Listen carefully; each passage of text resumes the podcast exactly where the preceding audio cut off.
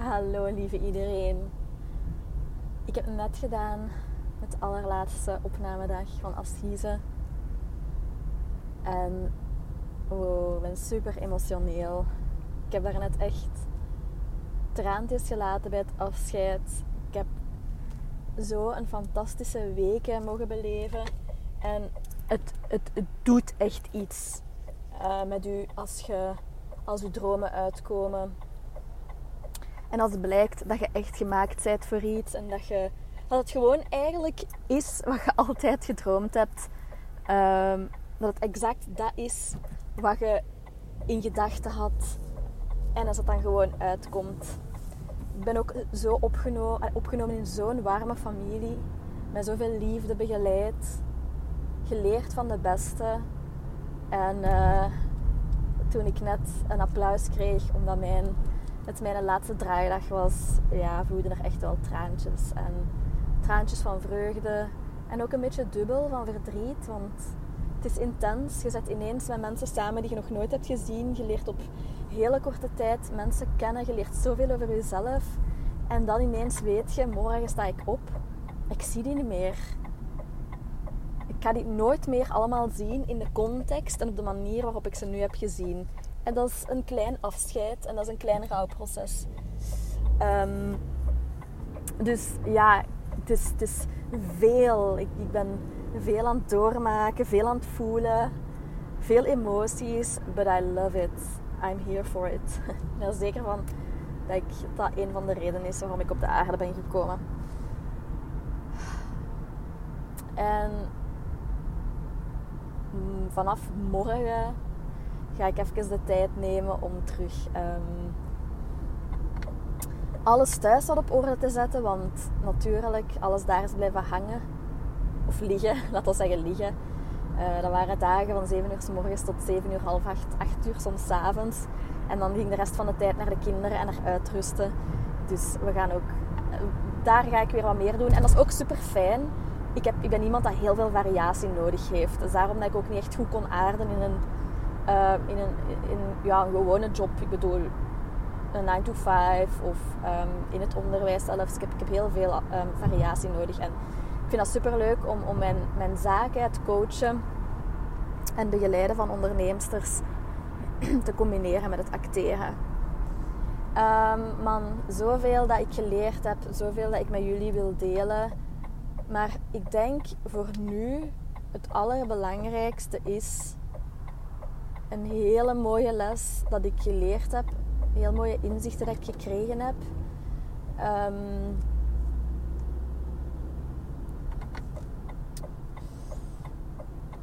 in verband met spreken en liefdevol spreken en jezelf uitdrukken.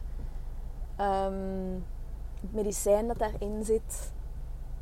Maar ook slecht spreken over anderen en laat ons beginnen met een situatie van enkele weken geleden. Enkele weken geleden uh, heeft iemand iets gezegd dat mij enorm triggerde. En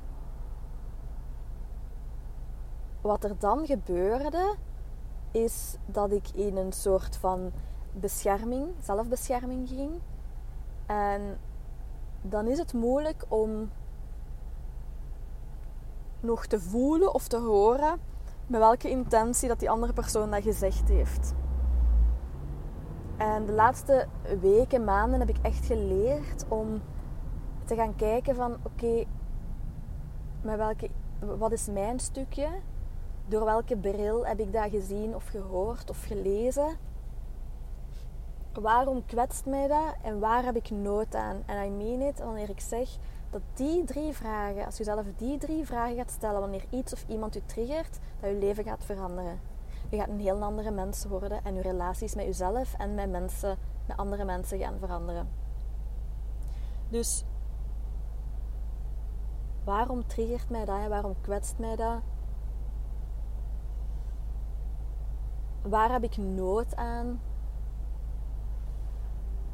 En wat mij heel erg is opgevallen, en ik denk dat bij veel mensen zo is, hè, is dat vaak wanneer we het gevoel hebben dat iemand ons kwetst of dat iets ons, ons kwetst. Al dan niet vanuit een oude wonde. Soms kwetsen ook gewoon mensen vanuit een onzekerheid.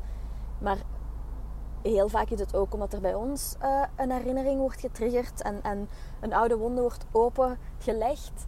Um, en dan gaat ons onderbewustzijn, ons ego, ons innerlijke kind, hoe dat je dat ook wilt noemen of welke dynamiek dat exact is, gaat alles in de strijd gooien om die pijnen niet te moeten voelen of om daarmee te kunnen omgaan. En dat ziet er voor iedereen anders uit. Sommige mensen gaan dichtklappen, niks meer zeggen. Sommige mensen gaan conflict vermijden en zeggen van oh ja, maar ja, het is niet erg, het ligt aan mij. Sommige mensen gaan misschien heel beschuldigend zijn en um, willen dat die andere persoon zich slecht voelt of boete moet doen. Want we komen uit een generatie waar ons dat eigenlijk zo is geleerd. Hè. We werden gestraft. Allee, ik kan niet in jullie plek spreken, maar um, ik werd wel nog gestraft en er werden woorden en zinnen gezegd zoals van ja, dat kan niet wat je doet en beseft je wat je doet en denk daar maar eens over na en ga maar eens even in een hoek staan om daarover na te denken. En um, de, op zich is daar allemaal niks mis mee, maar de energie waarmee, het, komt uit een generatie waar het heel, um, waar men van kinderen verwachtte dat ze heel veel en heel snel dingen leerden en vaak ook al reageerden zoals een volwassene met een ontwikkeld brein. En wij kunnen gewoon als kind, allez, wij, ik ben nu geen kind meer, obviously. Maar um, als kind kun je vaak niet op een normale, of, of, of wat voor de maatschappij als normaal gezien wordt, manier reageren. Omdat dat brein nog niet volledig ontwikkeld is.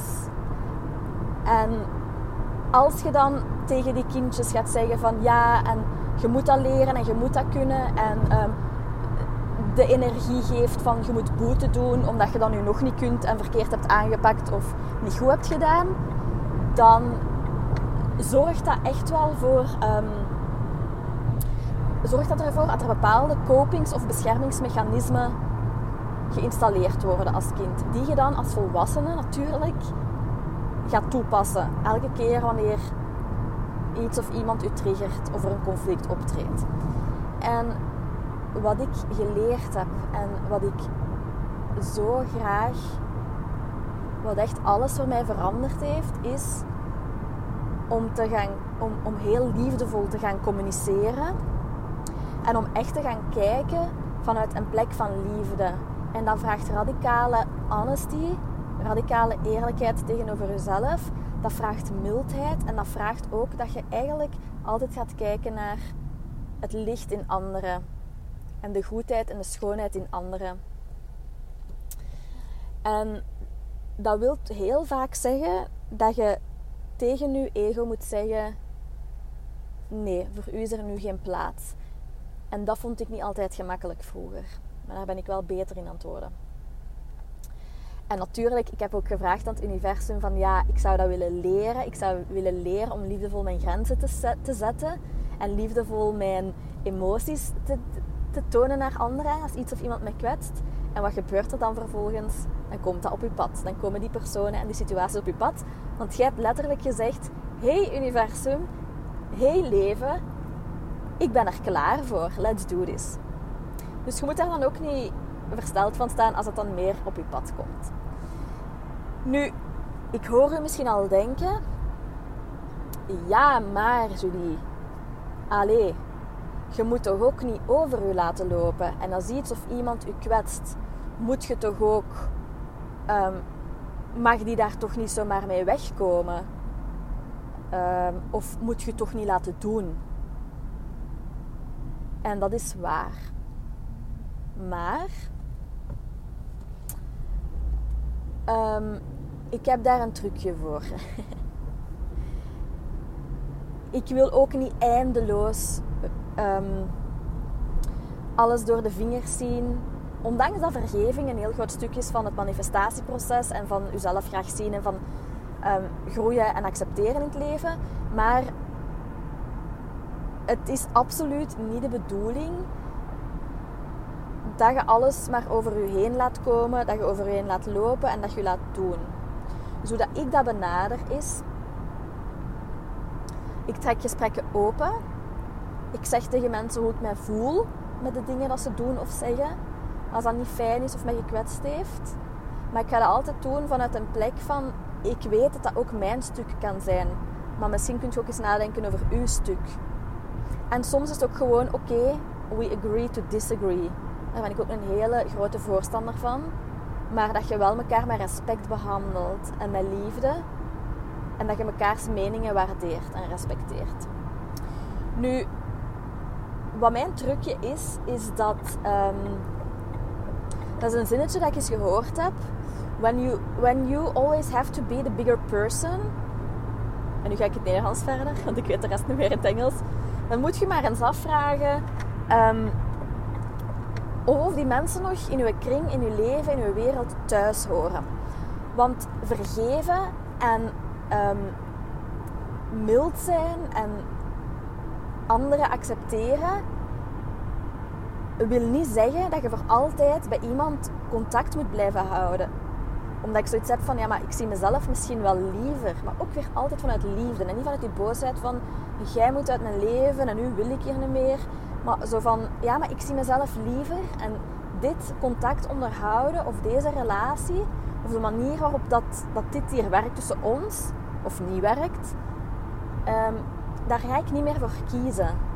Ik ga iets anders kiezen. En ik ga wel mensen aantrekken die beter met mij passen of die mij beter aanvoelen. Dus um, dat evenwicht probeer ik altijd te bewaren. Je kunt zeker conflicten hebben met mensen en je kunt um, anders denken.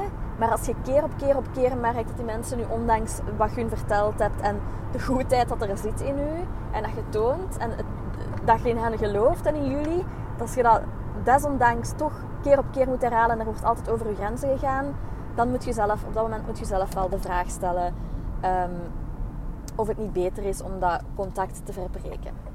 Klinkt hard, hè? Maar um, het, het gaat u goed doen. Het is, het is beter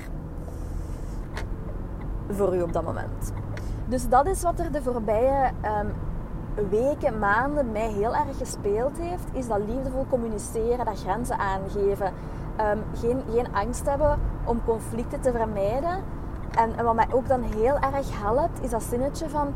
Als, het een, als een ja voor iets of iemand anders een nee is voor uzelf of naar uzelf, dan is het dan niet waard. Dan mocht je dat niet doen.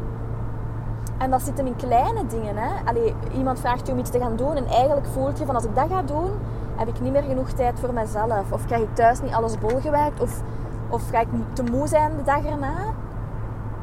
Ja, dat is een dikke vette nee naar jezelf toe en dan doe ik het gewoon ook niet meer. En ja, dan mogen mensen het daar lastig mee hebben. Dat is oké.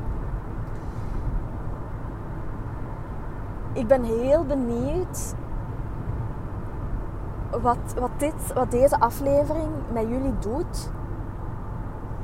Ik kan het alleen maar aanraden om vanaf nu mensen, conversaties en dingen zo te gaan bekijken. Want het gaat u echt deugd doen. En of je nu onderneemster bent of niet, zelfs al um, ja, zelfs als het je geen onderneemster bent, dan gaat het nog een heel groot verschil maken in uw leven. En daar hoop ik echt voor u en dat is echt mijn intentie voor u. En ik ga eens even nadenken of ik alles gezegd heb dat ik wou zeggen. Um, maar anders dan deel ik het wel in een volgende podcast. Maar in ieder geval, dit is wel zo wat de, de samenvatting van um, wat er aan het rommelen is geweest met mij de voorbije tijd en wat ik echt wel met jullie wou delen. Dus om nog eens even samen te vatten. Hè, wanneer je voelt dat iets of iemand u triggert of de woorden van iemand u kwetsen, mocht je eens gaan nadenken van